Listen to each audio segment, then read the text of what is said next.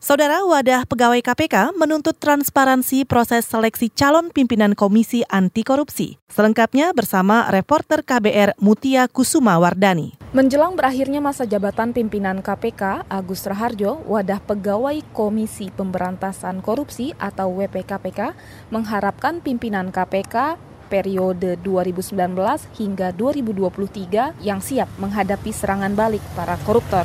Oleh karena itu, Ketua WPKPK Yudi Purnomo mengatakan KPK membutuhkan pimpinan dengan rekam jejak yang tidak pernah melakukan perbuatan tercela, jujur, dan memiliki integritas tinggi dengan proses yang selektif.